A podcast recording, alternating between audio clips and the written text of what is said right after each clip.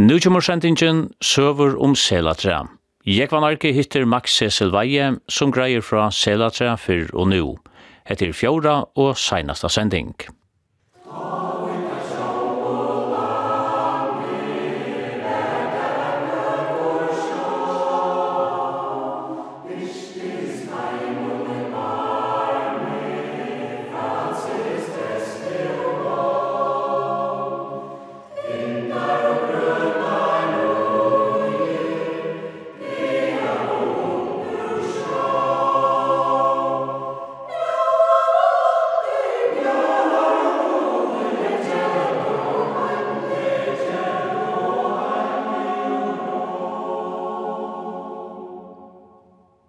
Hvordan er det kommunale videreskiftene her alene? Ja, Selatra er en pastor av Sjøvar kommune som fevner om fem bygder. Selatra, Morskranes, Kolbanajek, Strentur og Glivor. Av ja, som fem bygdene er tver marskatalsbygd, Selatra og Strentur. Hina trutjar er nysette bygder. Morskranes er fra 1876, Glivor fra 1844 og Kolbanajek fra 1932 på så gamla bygdena Selatra og Strentor er er det ingen som vet, men det er gamla. Fram til 1982 var bygdena tjej i talen, men det året valde Skåle og Skålabottner å fære bort ur og stående sine egne kommuner. Og i 2005 fører det så på Ronaviga kommun. Og i øyne 308 år var bare ein kyrkja i atlaren sjóvarsøkt. Kyrkjan stod i Sjekv og Stronton, og av henne hava finnst nøvnene Sjøvarsøkt og Sjøvar kommuna. Strendur er nektan størsta marskadalsbygden i Sjøvar kommuna, bægi i marskatale, asveatale og foskatale. Men i vitt er Selatra vel større enn Strendur. Selatra hevur høyder 19 kvadratkilometrar til synar 613 asveir. Strendur hefur vera 14 kvadratkilometrar til synar 900 vaseir. Vi var en åren til en nekmara vult under kvann åseien av Selatra, nemlig 2,6 hektarar, vi møtte bara 1,6 hektarum per vasei av strond. Hesen måneder mittlen Selatra og Strendur hefur nekka vi gaskuna av biten hon a gjerra. Og en større parster av Selatra heianum, til å fra Reafestundu og norra Øyramarsk er ikkje særlig vel vattlaur. Tui Estrøya Skytlen lykker parstvis ber. Nekvastan er altan bera hetla. Og Selatra er jo 30 merskur i jør, 22 merskur av kongsjør, eller landsjør, og 8 merskur av oknarjør. Fra gamla er tui var 16 merskur av kongsjørene samlegar norrast i bygdene, fra Øyramarskje sur at myttonså, og Reiafestund. Tannhägen blev under øynun kallar av Kongshägen. Han var annars lutad av sundur i fyra, fyra marska hägar, som nevndir norran etter var Norju i häga, Vägraneshägen, Brekkurnar og Skarspennesattnar. Resten av jörnen, seks kongsmerskur og åtta oknarmerskur, lå saman og i tvojmon heapørstun, skrytna seier, her var tværmerskor av kongs og tver av okn, og fyrir utan gærrei, styrt gærrei. Her var det fyra mersker av kongs og seks mersker av våg. Men i 1908 trus blei utangasjøren av sedatra utskift, så løys at kongsjøren blei samla norrast i bygdene og oknarjøren sunnast. Den gamle kongsseien vaks da ur 16 merskon upp i 22 merskor og fendi om alt økje fra øyramerskje sur et djekvara. Og ter åtta oknarmerskunar blei lagt der i tvoir fyra marska hegar, sunnast i bygdene. Alt økje blei luta sundur i fem hegaparstar, som lutvisning og mutjnøvn. Rokna i norrande fra Eretøyr hegaparstaner, Norri hega, fem og en halv mørsk, som har til oppeståfeste, Grønabergsatnar, fem og en halv mørsk, som har til myttonsfeste, og Mian, etla Sandahegin, etlo og mørskur, som har til nyrreståfeste. Heimare gærreie, fyra merskar av oknargjør, og ytre gærreie, sunnast, fyra merskar av oknargjør. Heia marskje, mellom selat og skala, hver allar deir, alt det nekka var om a sia, li så rymmar fast. Det er fyllt i størsta bara fjöllunum, eller fjallarøyun, allan vei. Det er å sia, norran av kjeldukletti, nian i halkafestind, heian i oman av lahols, av Lahossi etter Etjene, nian i Reiafestind, i Soer etter Reiafelle, i Oman i Mulan, Ur Mulan Åman i Fjalla, Heane nian tjøknum Fjallmannagil, nian i Skære, norrast i Borgarfelle. i Soer etter Borgarfelle, av Borgarfelle Oman Soer i Selatraskær, av Selatraskær nian av Slattafelle, og av Slattafellet opp av kamp. Ørvise var vi mørskunene var i Øyri og Strontum. Her valda i Lundje avsemja om hver mørskene vår. Og som nevnt så var et 30 stykke med den sedatro og Øyri, som ble avgjørst vi Åstederdome. Hette er um, søgn. Hette er ikke søvligere tog, men gommel søgn. Marsnadrettan med den sedatro og Strentur hessar høyt opp i Nudjatui. Minnes meg rætt fall dømer i malen ikkje fyrir enn i 1940 eller 1930 åren. Inntil ta, åttu selatramenn og strandingar, det såkallega semingsstitju i fela. Hetta var et rymliga størst stitju av heia, mittlun aginar Hattastønsa og Brøya, som er ute mittlun selatra og Morskandis, nærri Morskandis. Strandingar hildu på at han norrara agin, Hattastønsa var marsk, Selatramenn sattu at han sikraveien, brøya, var marsk. Enden var at semingstikki blei bort i helt mittan heaparsten fyrir utan gærar tja Selatramannen og nesheia tja strandingum. Og Selatra eru fem eller seks fjöll. Ta i si fem eller seks, så er det tog at det er et ivamal om tan 633 meter høye Kjelduklettur, norrast i Selatra heian her heaner tja selatra, øyre og skala møtast, skal rokna som et kjallstuvut fjall, etla som en parstur av Halkafellet. Rokna norran etter er i fjallen i hese, Kjelduklettur, Halkafelle, vi Halkafellstinte, Reiafelle, vi Reiafellstinte, Borgarfelle, Slattafelle og Kampur.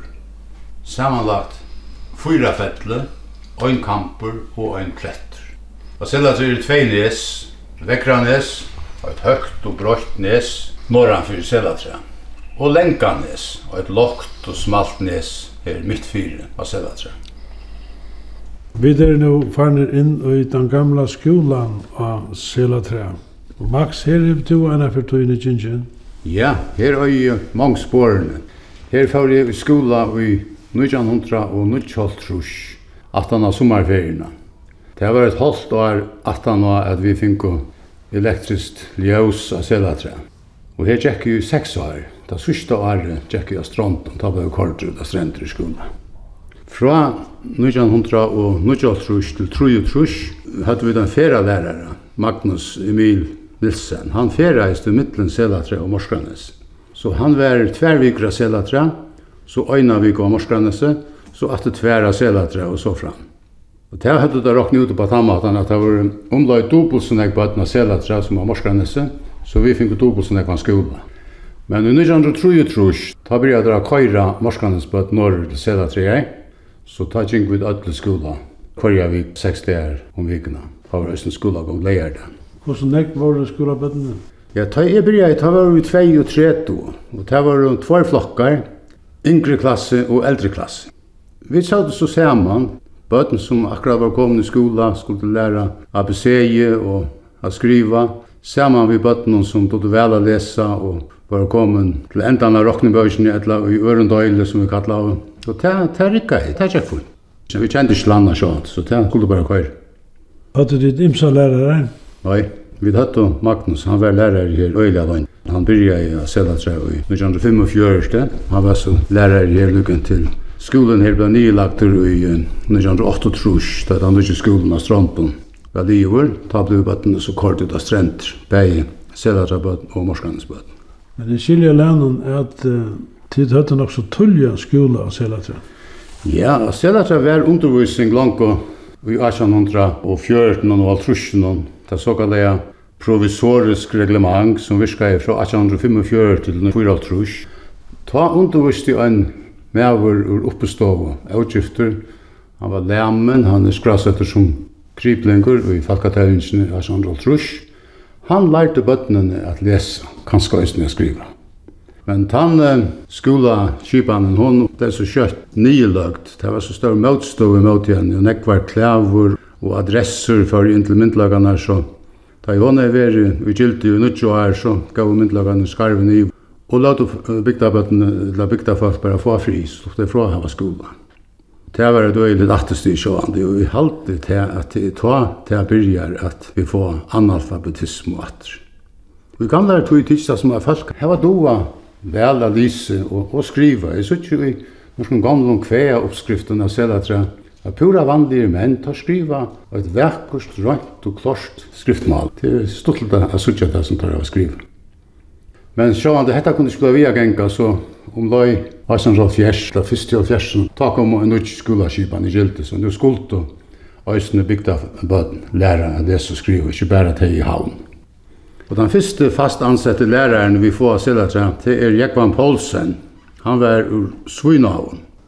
Han ble livet som lærer i 1876 fra lærerskolan i Havn, og han fikk bøyna ved en starv i sjøvarsøkn. Det var så han ble feralærere av Stronton, Skala og Selatra. Appen min som Karlappe, Karla Trønne, gikk i skola fra 1850 til 1850. Det første tre årene gikk han i nyrestov, i røkstoven her i gamla lassen. Men så kom skolen i 1853, da begynte han så her. Han pleide å fortelle at det var ikke sånn en skolegång han fikk. Så Jakob Paulsen var så opptidgen av at han møvelig øren. Var han ikke av skala, eller av stronten, men så var han i løgtingene, eller i kommunene. Han satt i bavens døven. Estrøgen var ødel en kommune ta. Og han satt i ødelen raven og nevnten som var så det var så øyelig avmarska skolagång vi oppe fikk. Men uh, ta han vær, så lærte han det å lese og skriva og rokna. dom til best rokning. Men han harmaist om at han omkant kom langre, så han lærte omkant i brøk, og det harmaist han om at han, han ikke skulle doa til han. Men uh, Jakob Paulsen, han er väl en, en arbetsammer og donalyr lärare. Han skriver i tvärt der första skolaböckerna av föreskon. I 1891 kom Føresk ABC og lesingabøk. Han har skrivet igjen sammen vi en nøren lærere, Christian Ludvig Johansen av Tofton. Og i år 1900 kom Bibelsøvan, som Jakob Paulsen skriver i Ansamadri. Og han brukte disse bøkene her. Han heier først vi bøtten og vi kvarst. Ikke så nek, men det kom fire, sier Karlab. Sånn kom så en lærerinta ur havn som at Heinina Jakobsen. Hon byrja her som ferielærer i 1908. Og så var Johan Johannesen, Johan Boit Bøyt, ja, Glivron, var fyrra mittlen Selatra og Skala fra 1920. Og så som sagt fikk vi Magnus Nissen ur Kvivvik som byrja i Selatra som ferralärare mellan Selatra og Morskranes fra 1945. Han lukte skolen av Stranton, han ble livet i 1908 Ta ble så hesen skolen nylagter og alle bøttene, bare Selatra bøttene og Morskranes bøttene, ble kort ut av strenter i skolen. Og nekka at han har tabla så skolen selter og heima med sjøvnen øyre han i det, og han er som sjøvnshus. Fyre, selatra og morskanes. Hette er et hamplet rom Hette er døylig tonale tølvi, ja. Tid kunne sagtans være inne i her ødel. Ja, ja. Ta jeg begynte, vi var 32 næmengar, men ta var tvær flokkar, yngre og eldre klasse. Så vi var en 15 og hver en flotje, og vi rømte oss. Hette er næstan dobbelt så størst som vært ta. Tu En pastor var dorur og så var det et Vi kallar det miska myskakammer, det var så pulterrum, hver det gøymte forskjelligt. Så var det vinter i baven søyen, bei nyan etter og oman etter. Det var ikke støvr, men enn for sørst i nødvendig av trusjæren og ta blokkere av det vinter i over søyen og gjør det støvr vinter i oman etter i steg. Og hva halda dit så om at den gamle skolen stender enn? Det er gledes vi om. Det er stortlig at hessen skolen stender opp igjen. Det kom og trutjer skoler ta innanfor noen få år Fyrst og av stronten, så hesna selatra, og så var jeg etter alltid kom til han av skala. Men ønsken av tøymen, stronten og skala, stand oppi det. Tar vi fire bøynter, og, og Anna settes i stegen, men hessen slapp av stand. Så dette er et gammalt og forvittnestet hus, vil jeg si. Leavur av førskum gråte, han hei flætaka byrja vi. Ta jeg før skola, ta var ønsken åttus, det vil si at det hei veri ått, norran för skolan, men det var fort ju. Vi vinte så det förstod Arne ta att man bara till hus hvis man har bruk för det affären av natthusen. Men så blev en tillbyggning och gjort det. Och en av tog var det så just att uh, morskarnas böten gynkon och sälja till er skola. Ta var det så just att, att det var bara skola sälja till och skala. Så att han läraren som hej sälja till och skala, han var inte av morskarnas. Det var nog så sträv tja morskarnas böten och tyn. Det var inte vevor och här är nekvar ágjur av venen, så tar jeg ut av øysrekna i år før vær, var det hatteslitt fra bøtten og jeg genga i middelen. Og det hendte som var så at jeg måtte gista selatra, tror jeg, det ble så. Nek regn med at jeg var her. Så tar jeg vi finka fyra lærere til selatra og morskranes, så ble det betre ikke at høymen så mat at jeg stod på fra at genga middelen. Heinina Jakobsen, ur havn, lærerintan som vi kallar henne, Hon var her i tvøymen omføren. Hon byrja i Sedatræv i 1908. Men så om løgn 1920, ta fyrir ur starve, tui mamma henne var blivin avhjálpen, så hon fyrir til havnar a vera om mammasvinna. Og så gjør hun til at hon innrætta i æra stovuna til skolastov. Så hon er i privatskola i havn, og samstundet så passa jo mammuna som var blivit gommel og minnesvåg. Da jeg som mamma var deg, så kom han inn og aftur til Sedatræv, tok opp upp atter skolagjerningin og starveis til inntil pensjonsalter og bygde seg hus av Selatra og vær her til sin dodgjande dag. Da var han 50 år gammel. Hon døg i 1906 og trus. Hon var så sterk fitt folk. Man høyrer nekva søver om lærere i gamle døvene at her kunne være harliger eller avfallner og første søgnen. Jeg har bare hørt godt om henne innan. Hon tog seg særlig vel av tøymen som lydde for måte seg og som hadde tungt via lesa. De tog seg vel av. Så hon har sera godt ettermelde av Selatre. Tid uh, hava en plantasje her av Selatre, og det har ditt haft landje. Ja, hon kom i 1913 saman vi plantasjene i Kone og i Høydølund. Det var bare øyn framan undan, han i, i Kundadelle, men da kom så trudgjere at Og han som var stidtakare til å få plantasje og selatra var, som ikke var før, Andreas Bønte. Han var en sånn framborsmæver og og for at få ting sett i versk, gjør den ikke fri heimbygdene og østen fyrir, fyrir land i alt, selja fyrir fotten gripa gømslene, som det heter ta. Han uh, passa i plantasjene fra 1913 og inntil land døg i 1946, og han passa gjerne vel. Han røkte gjerne, helt henne standande vel. Det ble gjort en ettermeting om tatuina ta i Andreas Støye, da bant Åren. Det var det fra helt selskapet som hei hjalp til å få seg plantasjoner planta jeg. At hendene og seler det var han som vaks best. Så hun er vel røkt, men hun er også og hun ser av vevur gav hun sted. Ta loive så vel her som hun er. Og henne har vi vært øyla glad for og er glad for jeg seler det. Her er nekv, gommel, størtrø, jævla øtnen og 1908 for som for ytla vi henne. Ja, og det som verre var så fall hekkene nyer, og det ble kjøtt opp at det nekko var. Det som jóløten ikke tåg, det var ikke seieren fyre, men Da jeg kjenner hjelpte, så tok vi det opp av grannastevnet her i skolan, og sier at jeg han med syslemannen, og at han måtte komme anna kyla av utan tasjene. Så finner der tids til saman fra skåra klansen, så sette hekkene opp at det, så det er plantasjen kom fyrir seg at. Nå vekst hun at det vel. Her er nu ikke planta jeg treat, og Hon er via a gjerast det samme prøy som hon platt i og er den 1908 Pleier du det å være i plantasjene? Ja, det er ofte an ferie en tur i plantasjene. Her er så hundalet og, og vever godt inne mellom i her. Da jeg var smadronger, da ble jeg her møte her, utemøte. Og da kom nek skolabøtene ur øren bygden til selatreer. Og hvis den fire måneder tog jo Arne Veveren kom, da kom der vi dekksbåter her, og vi maskinbåten. Jeg kom av Skalafjøren, og det Kvalvøk. Og som jeg minnes, så kom det vi buss. Det, det var nek folk som vi ikke er i plantasjene. Det er veldig forskund og Tøymen som er oppvaksen i bygden vi nesten omkom trøven og kom inn i en sånn luftlandskau som vi tar her. Og grannen til hessar plantasjene, det er i det skåta-depelen. Skåta-depelen er faktisk baden av som her. Det var her jeg var føtter og her vokste jeg opp. Han ble så seltur til KFUM skåtanar. Tøyra har så haft skåtadepen her siden fyrra parsten av Nørjandre Forsvaren. Der har bygd Sindropoi, en moderne køk, og man ur husen. Det er det som er brøtt, og så har det gjort noen småtter av stitsen. Her er en større trø som har til huset som skåtanar øya i det. Så at det er et fantastisk sted, vil jeg si, for bøtten og unga kunne komme her og og njóta det frie naturerna.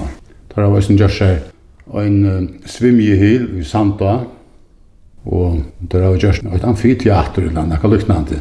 Det ligger øyla vel i lenten, hver dag kunne halda røver fyrir skauten og brenna bål om kveldene. Det er et øyla sted. Og der har vært en byggstegn der ikke var småttum. Ja, her er det flere småttur. Der har vært nu byggt av treet atter, så her er det blitt ordentlig godt tonalet igjen. Der kunne husast imsa stene rundt av stitchen, og tar av planta for en parst, så at her, her blir jeg komme jeg, av økene til skauten nesten. Vil du si at, at er omgå til sånn jeg lov av selatria sunt i skauten du er? Ja, det kan man godt si, ja. Ta i tøyre er, ta i øyne jeg folk, særlig at tøyre hava tiltøk, det blir ofte hava akkurat om kvitsunna, ta kjemur øyne jeg folk til selatria. Ta seg det der ferslo reguleringar i versk, sånn at bara till bygda folk som släpper att parkera här som det bygg var och andra må färra. Om man nu vik, om man i Dunkansvik eller här är ständigt kvärt er plås för bilen. När går båtar att komma. Vi först så hur sluppen norrlyse silt i mittlen Høsvik og Sela tror vi falt så bilar av kunne kort løsvikar og så silt i rom og, og ivra. Det er en færen. Det er ordentlig hun alt. Og så har vi ditt eisen enn smoltstø. Ja, det har vi. Hon kom i 1940, 46 halde jeg. Hon er det eneste verilige arbeidsplass av selatra og i Nudjartui. Så det er gamle bønderne i gamle lassen og olje myttene, som også var kjettmenn. Tøyr hadde nekka vel av folk i arbeid i ta. Særlig olje myttene, han ble kjeipa fisk fra kipen, saltfisk, til selatra folk at arbeid, vaska og torska. Så familien er høtt og kanskje en båt i parst og sånn som den 04 snakk som de kom til å koma, og få vunnet så penger på den maten. Hetta er atri i 20 og 30 år nå ganske.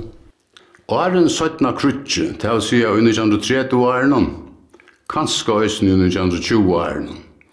Fink og sela seg menn nekk vi låtjøra halt. Da er det bæge minkar og revar. Palja trønne og tia seg hetje, høttu minkar og trønne og ut i hetje. Tvoi revagerar var øsne, fekkaner Jakoveia og Lassenja Jakko i hotne, hadde revar i gjeren jasser. Og brøverne av oppestågere, Jakob, Nils og Kraus, hadde revar i gjeren og tjattaimon, når jeg høtta han. Ta i krutje kom, fotlo prysener av kinnon og i båten, og ta fjord Bæði minkahaldi og revahaldi av selatræn fyrir bakka. Annars hei olje mittunni og eisen i Uishus, her han langt fra tullja og i 1900 år noen tåg mot silt, som han friste til agn. Ta i olje deg og seg tåg sånner iver, Selatramenn og morskansmenn finko så arbeid i kjævle mittunni vi er bere uis til a frista agni innvi, og framt at høyr avrød silt til uishusen. Skip kom vimsastande fra a kjeipa frista agn fra Ola og søttene fra Klemente, mitt landa føreskar slupper, haltur sjoerøy og enta bresk lune skip som fiska og mokkar av løyer.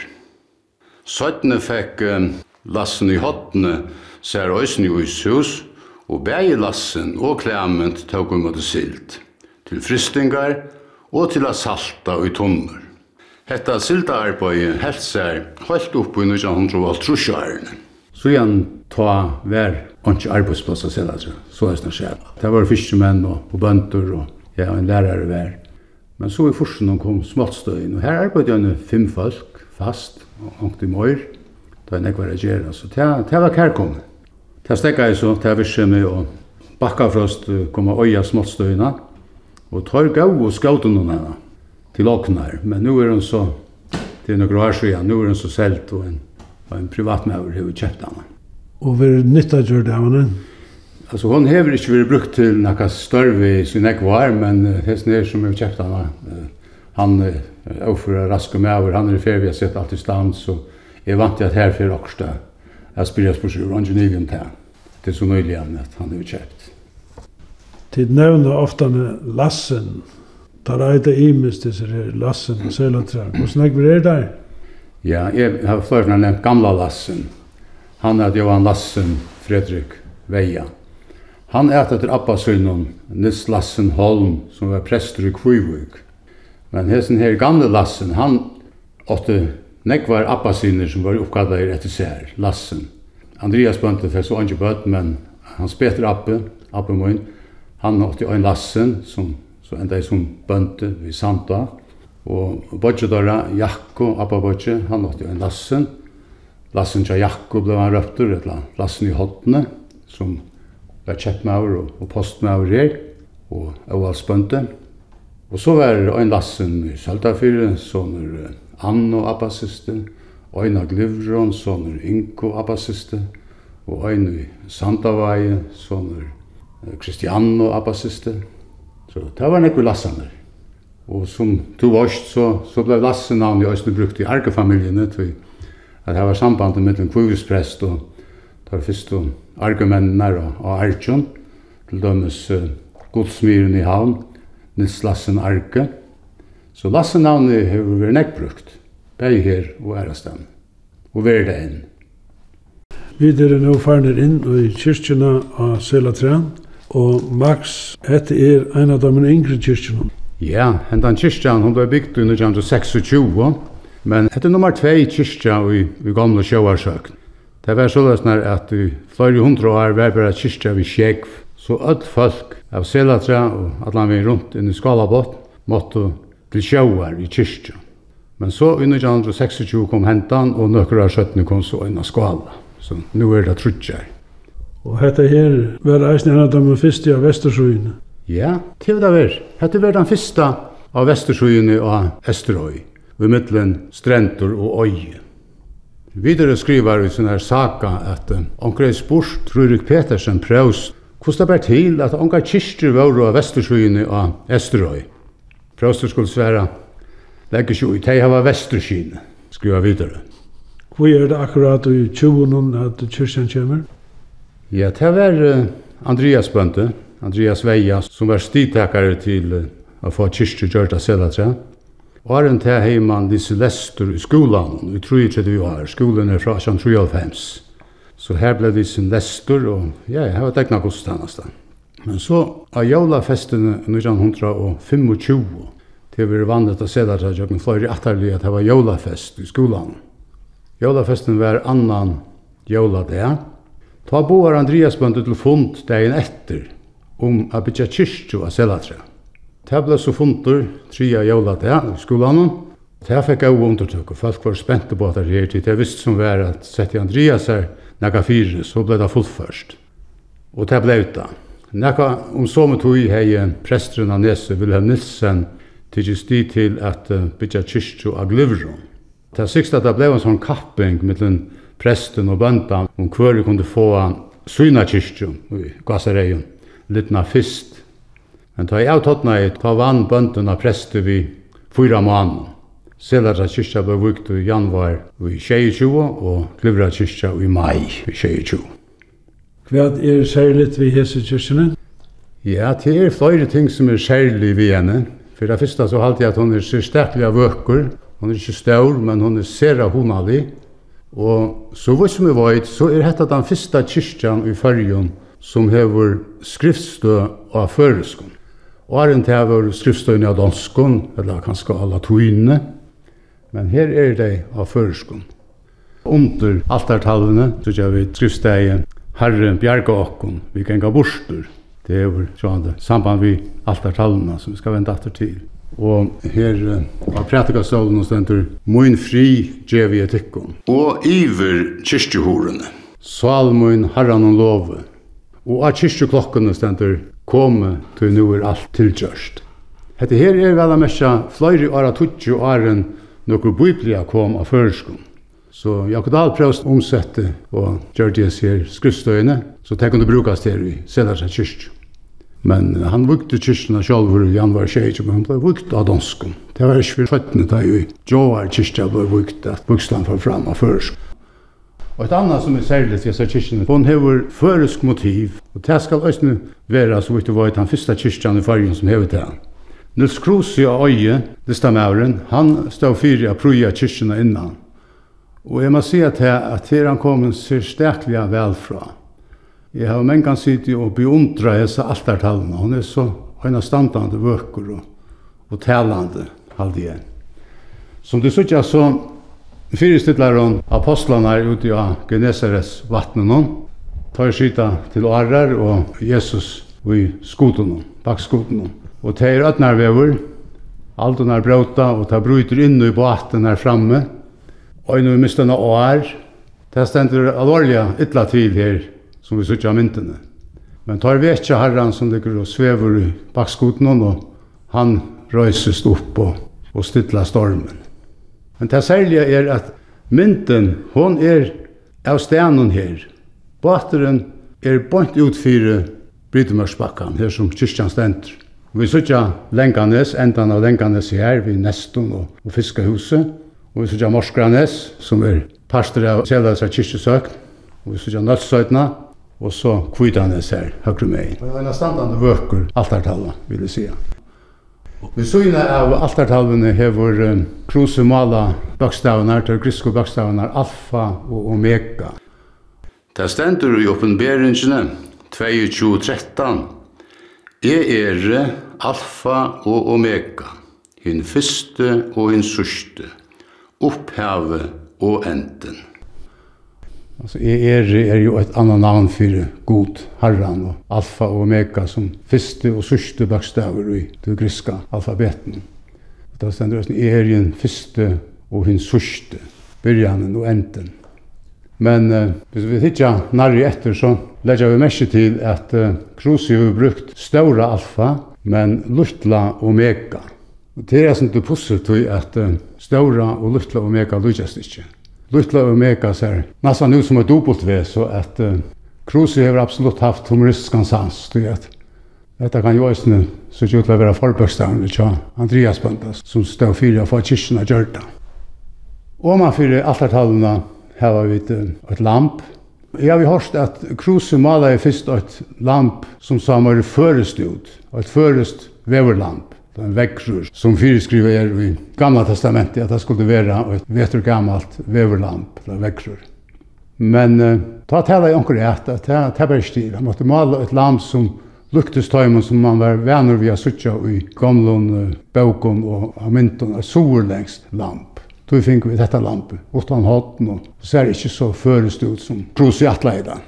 Och långt uppe i ovanför lampe, här har vi så enklar Kruse han var ofur mala enklar. Hesser er originaler, hesser er Kruse mala sjolvor.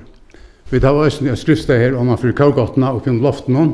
Høyta med an eier deie, jeg skal bjerga tær. Det er en sånn vimpel som tvær enklar halta i hver sin enda av. Hesser enklarna hever Sigrun Gunnarsdøtter, Abba-døtter til en skruse mala. Og hon er òsne mala tøy som vi sutja vi sujina av dittnen her, utom at forskyrkene. Det var så løs at i gamle tog ta var ikke varm i kyrkjene til daglig. Det var bare med en godstannast av vær at kyrkjene ble opphytta. Så da fukta jeg sinter her, og malingen skal jeg av. Det skulle være en årsøk til at man maler i tivor fløyre av ånklen og tja kruse.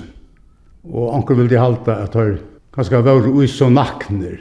Det skal jeg ikke si, men heser her er og Jeg halte det er rettelig av lujtjer, de gamle. Jeg minnes de gamle englene her, men Ikke akkurat hvordan det så ut, men ja, man kan sitte og bli omtrøser her, og og, og skriftsteg og særlig altertallene.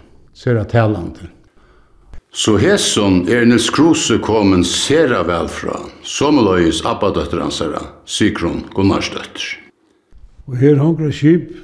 Ja, her hanker et modellskip av sluppende Lutla Emma.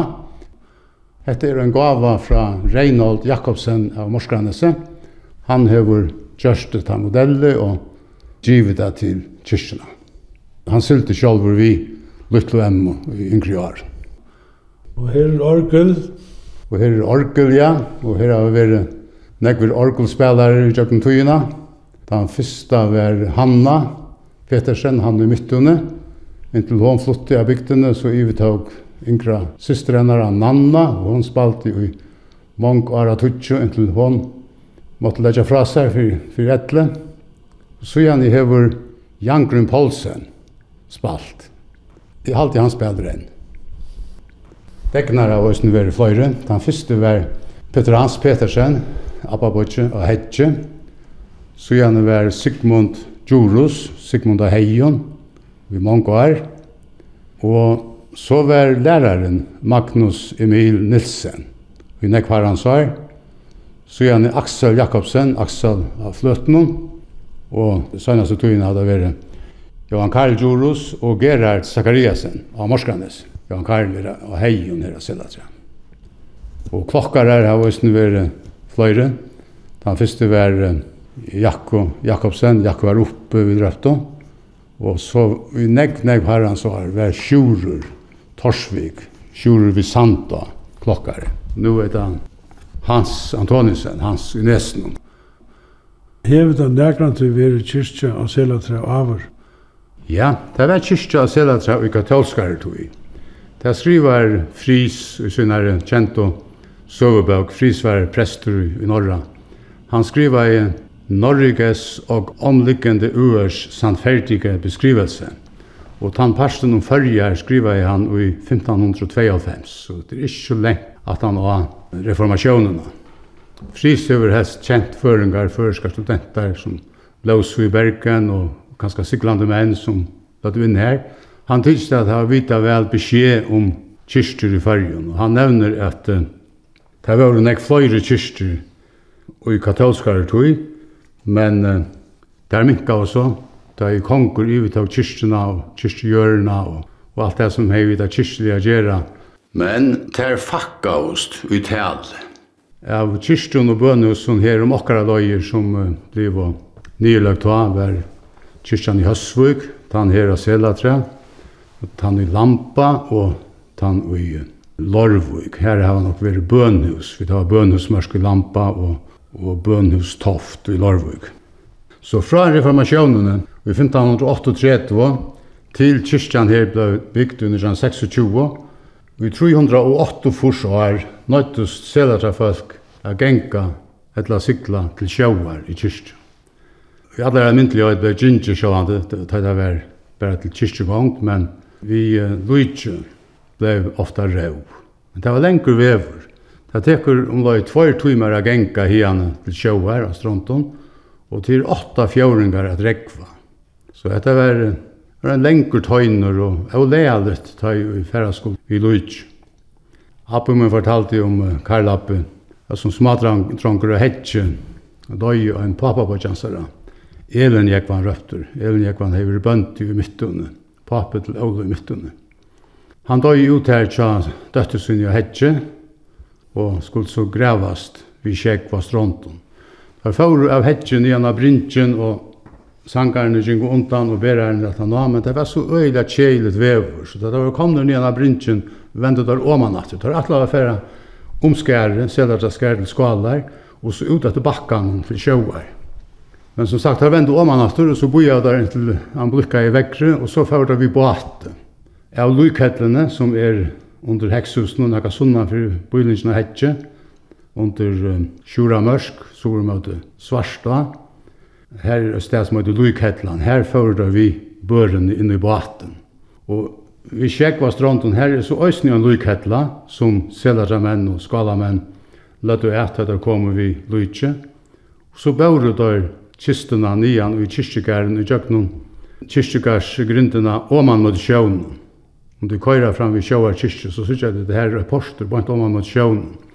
Det er just til det at vi folk kom og æresene fra vi lujtje, så skulle det være leiligt å få det inn i kyrkjegæren av lujkettelen her vi sjekv. Men så gjerne har du haft kyrkjegær her? Ja, kyrkjegærer kom her under 1915. Så det var det første man gjør det, og det var Østene Andreas Bandet som tok stil til det. Og et lov år skjøttene kom så kyrkjegæren. Hun ble så bygd av grunnstykket her ved søgjene av det gamle kyrkjegæren. Det første folket som ble grivet her i kyrkjegæren var Stranda Espa, vi råpa. Hun var av Stronton og var gift vi Hans Andreas Djurus og Hedje.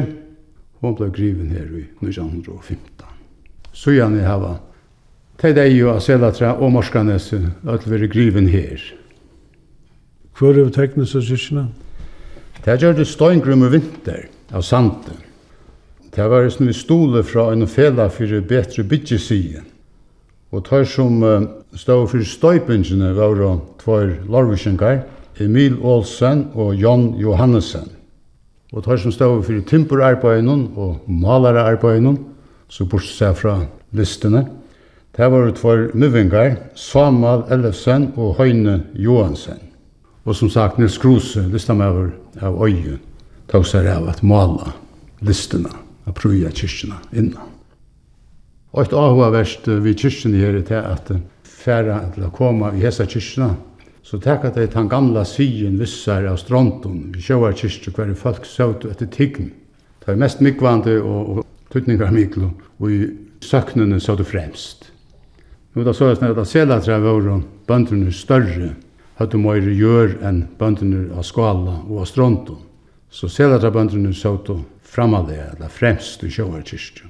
Gamle lassen sett fremst i norra bor, og iver av honom a skak atre etter øynstøl attare, sett olje mittune, og så fram. Da det nu uh, kom til Selatri her, så hendte det samme. Andreas Bønte, som var Bønte av Nyrestogare, og største åknarmæver og, og Bønte av Selatri, han satt fremst i Sunnarabor. Og Ein stål attari i norra bor, satt Oli i mittunni. Og så hinni atter etter. Omma mun, Emilia for Samuelsen, hon sette seg av attastu bruk i norra sju. Så hon kjent seg plås. Papi henne kom til sela seg av stronton som huskattler. Så det var han ikke fjæsa tog. Hon visste hva han skulle sita. Og appen sette seg så ikke henne, selv om han ganske her i Hilse Horshøyma, synder fremre. Papi hans var nast største ognarmauer av Seladra. Man råknar de som øya iver øyna mørsk og gjør for at vi er øyvals bønti, og det, det var han. Hette her helst og affram i nok som jeg var, men det neste atterlige, de brøyte. Lassen farbrøver som var bønti at han og Andreas, han sette seg av nast attasta støl, på en fremme for Emilie Ommo. Det var så bankgrunn til at vi santa hos noen her, og klemmen sette glammebøndet Sonny alle Mitton, han satt så, en har tvei benker fremre, men stadigvæk atterlega i Sigrudsøye. Så det som sa til deg, tilvildarlega. Ikke nekka vi at sida etter tign, det ble avlagt vi betre.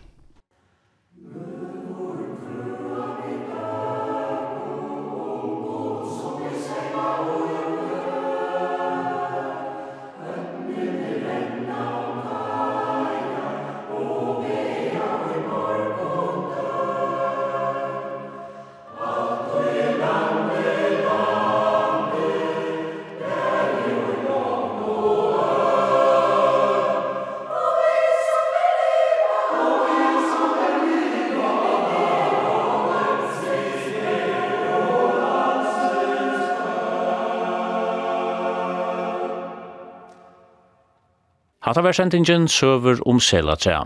Jeg var narki hytte Cecil Veie av Selatrea. Hetta var fjóra og seinasta sending.